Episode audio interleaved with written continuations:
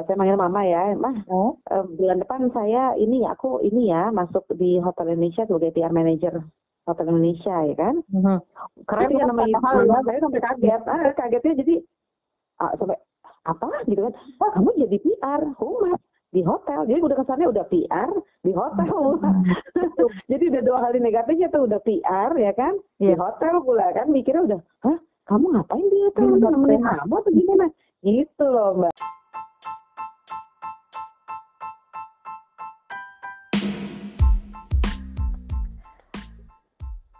Jumpa lagi di BBC podcast yang berbincang seputar broadcasting dan komunikasi.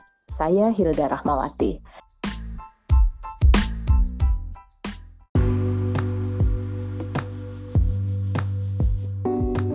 Kali ini saya akan berbincang dengan seorang sahabat yang cukup lama karena belasan tahun kita ngantor di satu kantor. Mbak Heni Puspitasari. Assalamualaikum. Halo Mbak Heni. Waalaikumsalam Mbak Hilda, apa kabar? Alhamdulillah, kita walaupun satu kantor tapi jarang ketemu tatap muka juga ya karena pandemi. Dan Mbak Heni ini sekarang adalah sebagai head PR-nya Media Academy ya Mbak ya, Enpak Mbak ya. Betul. Kenapa bisa gitu Mbak? Yang aku tahu kan Mbak Heni kan juga cukup lama di PR-nya Metro TV. Iya betul Mbak Hilda. Hmm, sekarang di media akademi nih. Kenapa? Iya betul. Bisa singkatnya? Uh-uh. Tapi kan profesinya tetap sama Mbak Hilda. Jadi PR juga, seorang PR juga. Uh, uh, uh, memang kalau kalau profesi itu um, kalau saya bilang uh, profesi sebetulnya itu jadi part of hobi Mbak sebetulnya. Jadi dari tahun 95 Mm-hmm. Saya kan sudah jadi PR gitu ya di beberapa tempat begitu. Uh, uh. Memang yang paling lama tuh di Metro TV sejak tahun 2004 sampai 2019 uh, kemarin terakhir oh, ya. Iya iya iya. Sebelumnya hmm. di hotel ya apa di perhotelan atau apa mbak? Di hotel, iya memang dulu pernah di Hotel Indonesia empat hmm. tahun lalu pindah ke Sheraton Media kan kebetulan hmm. unit hotelnya uh, milik uh, grup kita juga ya, ya. Media Group hmm. itu itu tiga tahun ke Dusit Mangga 2 setahun sempat ke Borobudur Hotel okay. lalu uh, diminta kembali ke pangkuannya Media Group nih sekarang ke Metro TV di tahun 2004 iya iya iya iya hmm. berarti memang dari dulu sampai sekarang Mbak Heni ini berkarir uh, dengan penuh kesadaran dan uh, sepenuh hati berarti ya di dunia PR ya Mbak Heni ya betul sekali dan memang kayaknya Kenapa? Kalau passionnya di PR itu memang kan sejak tahun 95 udah di situ ya Mbak ya. Uh -uh. Saya kayaknya nggak berpikir untuk nggak jadi PR gitu tuh. Udah cita-cita berarti ya dari dulu. Memang cita itu tapi di cita-cita dan jadi hobi. jadi hobi.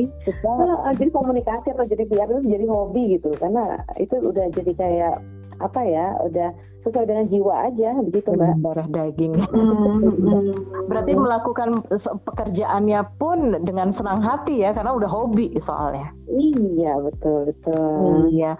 Nah mbak Heni uh, kita tuh taunya PR itu itu mungkin ya buat sebagian orang awam adalah hmm. satu cita-cita yang wah kalau mau jadi PR berarti aku akan banyak ngobrol, banyak ketemu dengan orang-orang dan hmm. apa istilahnya profesi yang glamor bersih lah gitu ya, magic hmm. gitu. Mungkin bayangan orang seperti itu. Kalau Mbak Heni sendiri merasakan dari perjalanan Mbak Heni yang puluhan tahun mau 20 tahunan berarti ya berkarir di bidang PR. 25 Mbak. Wih, seperempat abad. Gak main-main ini di dunia. Itu tuh uh, dari perjalanan Mbak Heni yang 25 tahun itu sampai sekarang, apakah mm-hmm. memang urusan PR itu melulu istilahnya ya itu tadi apa satu profesi yang kayaknya bersih, cantik, necis atau gitu Ya, kira-kira apa memang demikian atau gimana? Karena kan memang orang banyak PR itu etalase ya kalau bisa dibilang dari itu masuk sebuah perusahaan reputasi citranya itu langsung terpancar dari sosok PR-nya. Kalau Mbak Heni sendiri punya pendapat gimana nih dengan dunia PR atau profesi PR ini? Kan hmm. 25 tahun nih pasti punya uh, istilahnya mungkin bayangan atau ini sendiri gitu istilahnya ya apa ya? Iya, uh, uh, pengalaman sendiri ya. Ya, yang, yang Mbak Heni, ya. apakah yang anggapan umum orang seperti itu oh. itu yang Mbak Heni rasakan? Mm -mm. Jadi memang kalau tahun dulu, tahun 95 itu pertama kali saya masuk uh, jadi PR itu kan di Hotel hmm. Indonesia, Mbak Hilda. Ya. Saya masih ingat tuh tahun 90-an itu rata-rata ya tahun 90, 95 itu memang kan profesi public relations itu sesuatu yang agak masih dianggap negatif ya zaman hmm. dulu ya hmm, bukan, uh, bukan prestis gitu deh gitu ya. Uh, karena gini kebanyakan orang kalau di pemerintahan bilangnya humas ya gitu jadi orang humas itu uh, itu kebanyakan memang laki-laki di pemerintahan gitu. Oh, oke. Okay. Kalau PR mm, kalaupun juga perempuan dulu itu sempat tahun-tahun 90 95-an itu PR atau humas itu kebanyakan walaupun wanita itu masih konotasinya itu sebagai lady escort jadi nemenin hmm. tamu. Uh, ada yang jadi uh, PR-nya di bar, PR restoran di mana um, apa lagi ya di beberapa karaoke. Seperti itu itu kejadiannya mbak. Dan waktu itu memang masanya negatif, uh, negatif ya, ya negatif juga gitu uh, uh, kondisinya. Sehingga pada saat saya masuk uh, masuk di Hotel Indonesia ingat tuh waktu itu kesan pertama dari orang tua nih mama ya khususnya ibu ibu saya nih jadi pas saya bilang uh, saya manggil mama ya mah oh. uh, bulan depan saya ini ya aku ini ya masuk di Hotel Indonesia sebagai PR manager Hotel Indonesia ya kan mm-hmm. keren jadi, kan namanya ya. saya sampai kaget ah kagetnya jadi ah, sampai apa gitu kan. Oh kamu jadi PR humas di hotel. Jadi udah kesannya udah PR di hotel jadi udah dua kali negatifnya tuh udah PR ya kan? Yeah. di iya. hotel pula kan mikirnya udah hah kamu ngapain di hotel? Nemenin kamu atau gimana? Gitu loh mbak. Jadi uh -uh. memang waktu itu orang tua atau orang awam pun juga melihatnya itu uh, memang kebanyakan itu hanya tampilan luarnya aja. Jadi yang melihatnya yang cantik seksi gitu ya Mm-mm, menjual. Kemudian uh, nemenin apa? ya? nemenin iya nemenin lady escort lah. Jadi mm. jadi kayak semacam uh, uh, uh, ya itu tadi menemani tamu guest relations yang hanya menemani tamu begitu. Mm. tapi tidak tidak ada uh, apa um, secara posisi strategisnya itu nggak terlihat zaman dulu ya. Dulu. tapi begitu seiring berjalan uh, dulu tahun itu saya kebetulan di HI itu kurang lebih empat tahun hmm. uh, lalu ikut terlibat jadi uh, salah satu pengurus dan juga uh, founder dari host apa himpunan humas hotel ibaratnya gitu kan hmm. sama-sama kita dengan yang para sesepuh itu ikut mengembangkan satu asosiasi himpunan humas hotel uh-huh. di situ kita merubah stigma itu mbak jadi kita uh, mencoba untuk menyamakan persepsi bahwa yang namanya PR itu ada ilmunya, ada knowledge-nya hmm. gitu ibaratnya, nggak hanya sekedar tampilan aja dan itu memang ada hmm. fungsi strategisnya ternyata betul gitu, betul ya. itu yang paling penting sih hmm. iya hmm. dan uh, menepis citra tersebut butuh waktu pada akhirnya Mbak Heni berhasil istilahnya kalau kita bilang menemukan uh, posisi PR di manajemen strategic function itu setelah di mana Mbak? Setelah tahun keberapa berkarir gitu atau? Oh begitu. Mm-hmm. terus terang gini sejak awal saya di hotel itu pun uh, ini mungkin tergantung pimpinan ininya ya leadernya ya. Jadi pimpinan teratas kalau di hotel itu kan GM ya general okay. manager begitu mm-hmm. um, tergantung. Jadi pada saat itu saya pasti selalu di, di posisi uh, strategis. Mm-hmm. jadi langsung langsung ke GM jadi dekat banget sama pengambil keputusan paling atas ya. ya Jadi sudah manajer ya Mbak ya langsung masuk. Iya di... langsung manajer sih memang langsung manajer dan memang eh, rata-rata uh, uh, sejak pertama kali itu selalu di posisi yang bisa memberikan masukan langsung kepada hmm. pimpinan ya, okay. termasuk uh, direksi begitu. Oke, untungnya alhamdulillah seperti itu Mbak Hilda.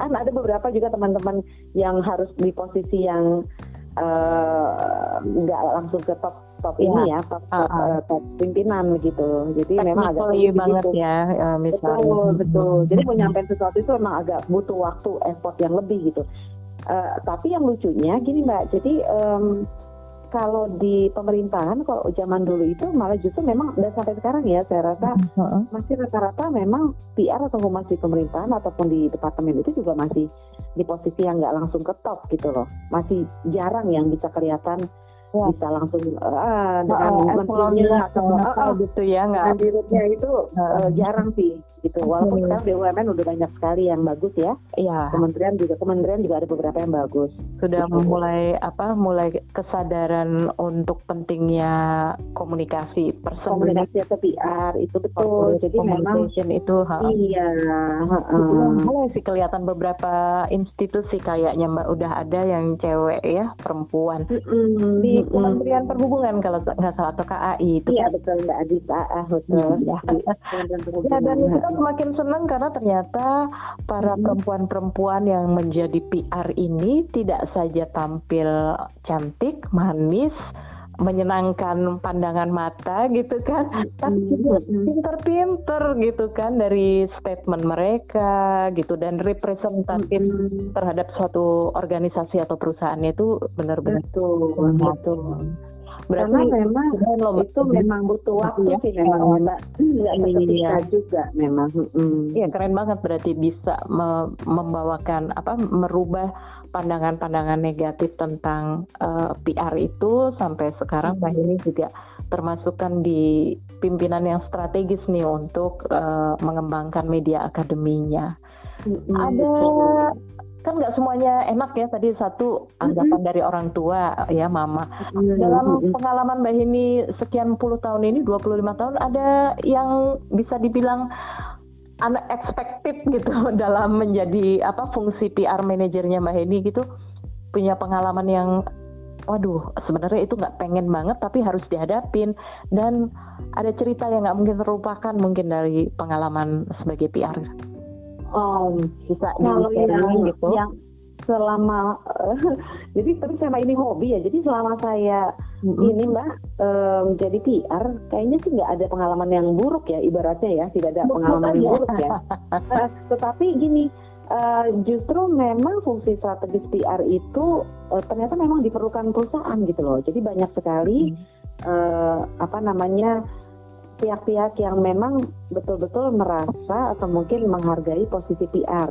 Jadi waktu di khususnya kalau di metro ya mungkin ya kalau di metro itu karena cukup lama ya, saya merasakan bahwa alhamdulillah pimpinan-pimpinan di metro itu sangat mengerti bahwa fungsi PR itu uh, penting dan strategis begitu. Uh-huh. Jadi uh, uh, dan satu kalau yang perlu didengar ya mbak ya mungkin suggest suggest atau apa betul, atau kalau ada uh, kejadian apa pasti melibatkan PR manajernya gitu ya. Benar. Memang uh, the last one ini bukan the first one to go, the last one eh the last one to know, the first one to go. The first one to go. bukan, bukan. PR itu yang belakangan tahu tapi begitu ada masalah PR yang di baru beres ya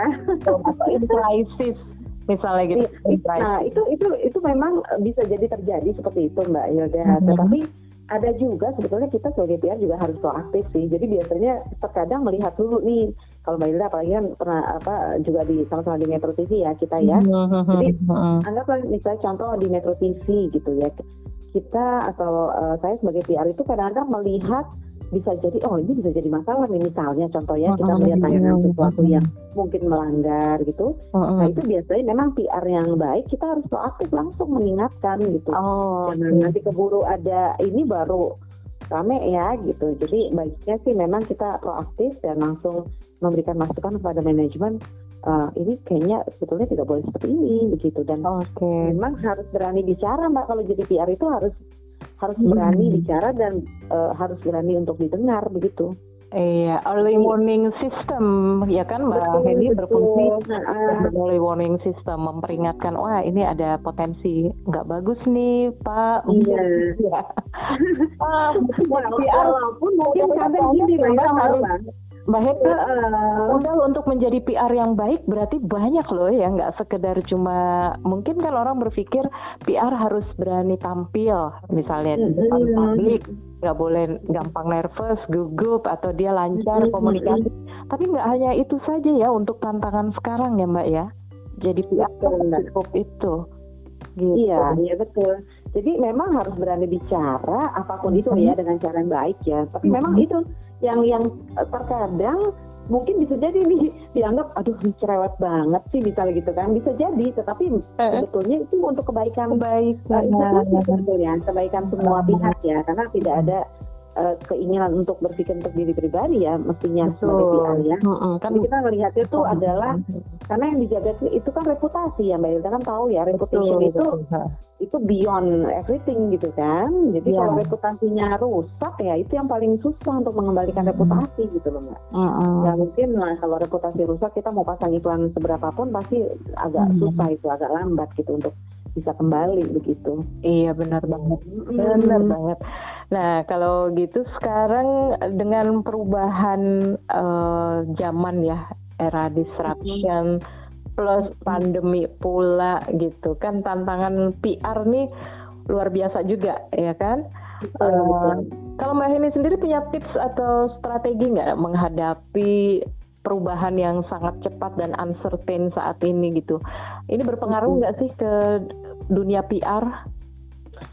um, sangat berpengaruh mbak. Jadi kebetulan kalau uh, orang PR itu mestinya sih harusnya ibaratnya itu harus um, apa ya want to know gitu. Maksudnya hmm, ada curiosity ya curiosity-nya tuh harus tinggi ya. Jadi hmm. uh, ya dan memang dengan adanya pandemi ini uh, kita sebagai orang PR praktisi public relations itu memang nggak boleh ada kata-kata tuh PR tuh gaptek gitu. Memang harus kita hmm. harus betul-betul harus tahu teknologi apa sih yang sekarang harus dipakai ya kan? Kemudian apalagi sekarang udah uh, zamannya kita pakai digital ya digital semua serba digital begitu. Jadi orang PR itu harus bisa mastering uh, banyak sekali mungkin aplikasi-aplikasi yang sekarang memang harus kita pakai untuk bisa survive di pandemi ini begitu mbak Iya. Uh, balik lagi nih kan Mbak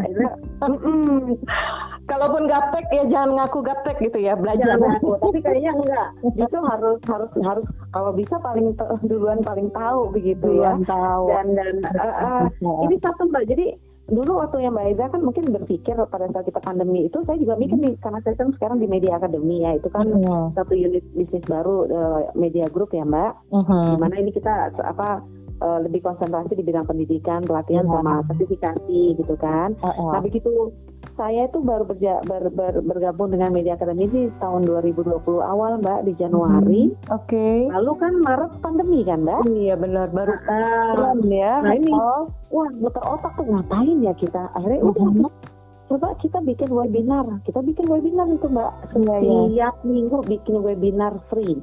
Uh-huh. Dan uh, senang kenapa? Senang kenapa ternyata banyak sekali uh, uh, uh-huh. apa namanya yang ikut gitu sampai uh-huh. ada yang ratusan, tiga ratus, empat ratus gitu ya. Uh-huh. Karena memang kita juga uh, uh, lihat bahwa banyak masyarakat juga butuh istilahnya itu uh, selain ilmu, ilmu tapi uh-huh. mungkin untuk bisa apa ya menghabiskan waktu ya karena kan banyak kan yang ada yang di di rumah ya kan ya ya nggak bisa uh, kan tetap gitu. uh, butuh sesuatu gitu ya yang menambah Betul. ilmu uh, ya mungkin menyalurkan aspirasi tukar aspirasi betul dan juga apa mengasah ini juga kan iya. apa kita ya cara berpikir kita gitu ya benar hmm. uh, kalau nggak gitu mati deh kita semua terkurung di rumah gitu ya. Uh, dan dan senang ya Mbak eh, dengan respon yang bagus di bikin event-event webinar itu ternyata memang itu jadi kebutuhan ternyata saat jadi ini. Kebutuhan memang betul. Memang sih akhirnya uh, bukan hanya webinar aja kan karena memang hmm. setelah itu kita bikin apa lagi ya media akhirnya hmm. memang media training kan sekarang juga udah melakukan online training begitu ya mbak hmm. karena kita tahu banyak sekali um, masyarakat di luar sana ternyata masih butuh gitu, butuh hmm. ilmu begitu, butuh hmm. belajar dan hmm. saya amazed sih beberapa kali kita bikin ini media kami bikin hmm. itu banyak sekali perusahaan-perusahaan yang mengirimkan apa karyawannya untuk bisa belajar hmm. begitu. Oh ya, jadi uh, luar biasa sih kalau misalnya uh, semua karyawan atau mungkin semua perusahaan bisa juga mendapatkan kesempatan yang sama seperti itu hmm. gitu. Mudah-mudahan mudah-mudahan semakin banyak nih kliennya Media Academy. Amin. Ini Mbak Hilda juga siap-siap loh nanti kan ngajar ya. Iya, iya. Udah siap-siap nih. Jadi pemenang juga tahu nih Mbak Hilda juga jadi ngajar juga di Media Academy. Nemenin Mbak Hilda. Mbak Hilda. Iya, ini kan sekarang kita bulan Ramadan nih Mbak Hilda. Ya, betul. Nah, mm-hmm. sama nih. Jadi pas Ramadan kita juga mikir tuh belum mikir ya. Karena orang PR kan gitu ya harus mm-hmm. agak mikir gitu ngapain sih ya Ramadan masa kita ngantuk-ngantuk aja gitu ya Mbak. Mm-hmm. Create planning apa ya gitu gitu. Ah, terus saya bilang ya, yuk kita bikin aja. Kita akhirnya bikin ngabuburit kan Mbak bersama Media oh, Academy. Oh, setiap, setiap sore ya menjelang setiap uh, hari Jumat. Mbak ada asar ya Mbak? Uh, iya uh, sebelum asar. Sebelum asar. asar. Karena kalau pada asar takutnya nanti oh, udah mulai banyak yang pulang. Iya malah udah siap-siap jam atau ngantuk ya. Uh, jam berapa tuh? Berarti kalau yang dengar podcast saya setiap mm -hmm. mau ngabuburitnya Media Academy itu setiap hari Senin sampai Jumat oh, atau setiap hari setiap Jumat mbak. Setiap Jumat oh, jam dua. Jumat. Setiap uh, jam berapa mbak? Jam dua. Jam dua sampai jam tiga. Tapi ini kan udah mau Ramadannya udah mau selesai. Jadi mungkin nanti setelah Ramadan lagi. Hmm. tinggal satu sesi. Nah kita tinggal satu sesi lagi nanti tanggal 7 Mei uh, terakhir itu. Habis itu nanti kita lanjut setelah uh, Idul Fitri gitu ditunggu ya Mbak Heni. Kita nunggu banyak ke atau event event planning kreatifnya Mbak Heni bersama tim di iya pasti ya kita senang banget nih karena kan memang teman-teman media akademi itu sangat semangatnya tuh luar biasa mbak Yoda mm -hmm. karena memang sejak 2020 itu kan kita tim yang baru ya mbak jadi mm -hmm. Punya apa ya istilahnya cita-cita yang uh, cukup besar sih sebetulnya walaupun mm -hmm. akhirnya mau nggak mau kita harus menghadapi pandemi ini lumayan lama ya, udah setahun lebih gitu. Dan kita ya. nggak ya. tahu nih kapan berakhirnya, walaupun ya. semuanya mungkin tetap uh, jadi mungkin ya semoga tahun ini udah lebih baik baik gitu kemudian Amin. Uh, bukan hanya kita bisa virtual atau online training tapi kita bisa hmm. langsung tatap muka lagi. Betul. Sangat apa sangat merindukan itu. Rasanya semua juga udah mulai bosen gitu dengan iya. keadaannya suka ya betul betul mbak. Tapi kita harus optimis. Nah Mbak Heni, hmm. satu lagi sebelum saya tutup nih, uh, untuk profesi PR, tadi kan kita sudah tahu bahwa sekarang PR itu dia uh, kalau organisasinya yang bagus ya perusahaan yang bagus akan menempatkan PR pada posisi yang strategik tadi. Betul. Nah, uh, saran-saran Mbak Heni mungkin buat yang belum nyemplung langsung ke dunia PR tapi lagi mau belajar atau lagi kuliah di bidang kehumasan atau mungkin yang mau alih profesi ke dunia PR mm -hmm. karena dia udah cukup lama mungkin di bidang lain yang mm -hmm. uh, punya modal apa komunikasi, gitu. komunikasi gitu. Apa, nah, nah, apa nih saran Mbak ini? Apakah itu cukup gitu dengan modal uh, punya kemampuan biasanya banyak kan dari jurnalis ya saya lihat banyak teman-teman jurnalis. Iya benar. Dunia PR atau media relation atau apa gitu. Iya. jadi saran saya melihat digital media gitu ya? Hmm, iya. Gimana mbak?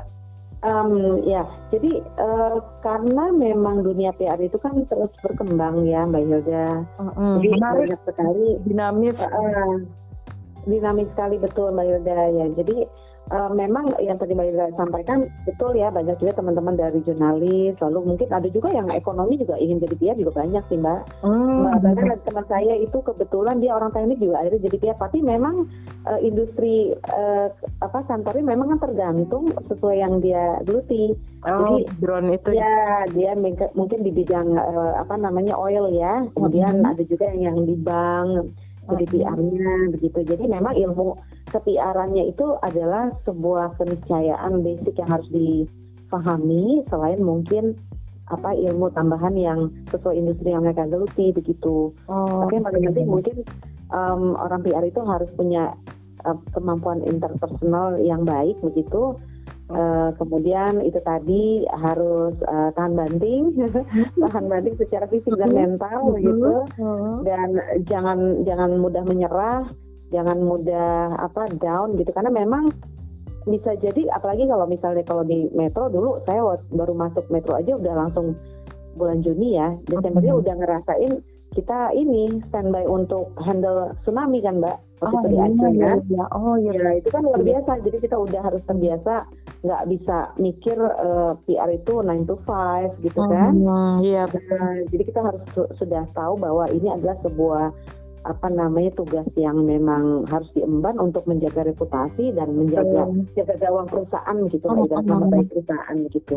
Uh, berat ya, uh, berat tapi kalau dengan dijalaninya dengan memang sudah senang sebagai kayak Mbak Heni tadi hmm. hobi asik-asik aja gitu ya. Betul Mbak. Uh, uh, yang pasti yang yang penting sih yang pasti juga uh, kalau bisa kalau untuk mungkin para yang masih sekolah atau mungkin yang ingin jadi PR uh-huh. itu tadi sih mbak eh, jangan jangan mudah untuk menyerah untuk belajar begitu terus uh-huh. belajar karena kan memang balik lagi dunia kepiaran itu berkembang terus ya kan banyak ilmu-ilmu baru atau mungkin itu tadi banyak uh, apa alat-alat atau mungkin tools yang bisa dipakai iya, untuk nah, ya membantu hmm, untuk dunia peliharannya itu gitu. Okay. Jadi jangan gaptek juga, gitu jangan sampai nanti piara gaptek kan nggak ngerti baca baca apa namanya uh, eh, SEO gitu misalnya kan. Jadi harus tahu juga bahwa apa sih yang sebetulnya dibutuhkan untuk mendukung yeah.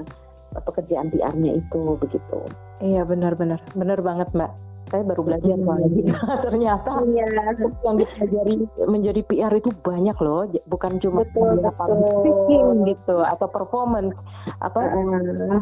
ilmu tadi itu manajemen termasuk finance termasuk wah kita itu menarik tuh. Benar bayar dan finance Ya. Ini sering sekali nih, emang harus belajar tuh tentang, eh kan banyak juga ya pelajaran finance for non finance gitu. Hmm. Jadi istilah-istilah keuangan atau istilah-istilah ekonomi juga harus tahu gitu. Iya. Dan sampai nanti begitu diajak ngobrol nggak nyambung misalnya, ya, kan. Jadi harus tetap mengerti apa sih yang terjadi di apa dunia sekitar kita begitu. kompleks ya ternyata. Nggak gampang ternyata. Iya betul mbak. Sekali lagi saya appreciate, saya sangat kagum, saya uh, acung dua jempol mungkin kalau ada empat empat kali ya buat Mbak Hedi. Yang bayangkan 25 tahun. Itu nggak main-main. Dan sehat-sehat terus. amin. Sehat-sehat terus supaya tetap bisa menjaga uh, media akademi tadi itu bagian hmm. dari reputasi besar media grup ya kan Mbak Heni? Betul betul Mbak sehat ya sampai ketemu lagi Mbak Heni terima kasih terima kasih Mbak Ida bincang-bincang kali ini. Iya Mbak, terima kasih. Yo, bye-bye. Assalamualaikum. Waalaikumsalam.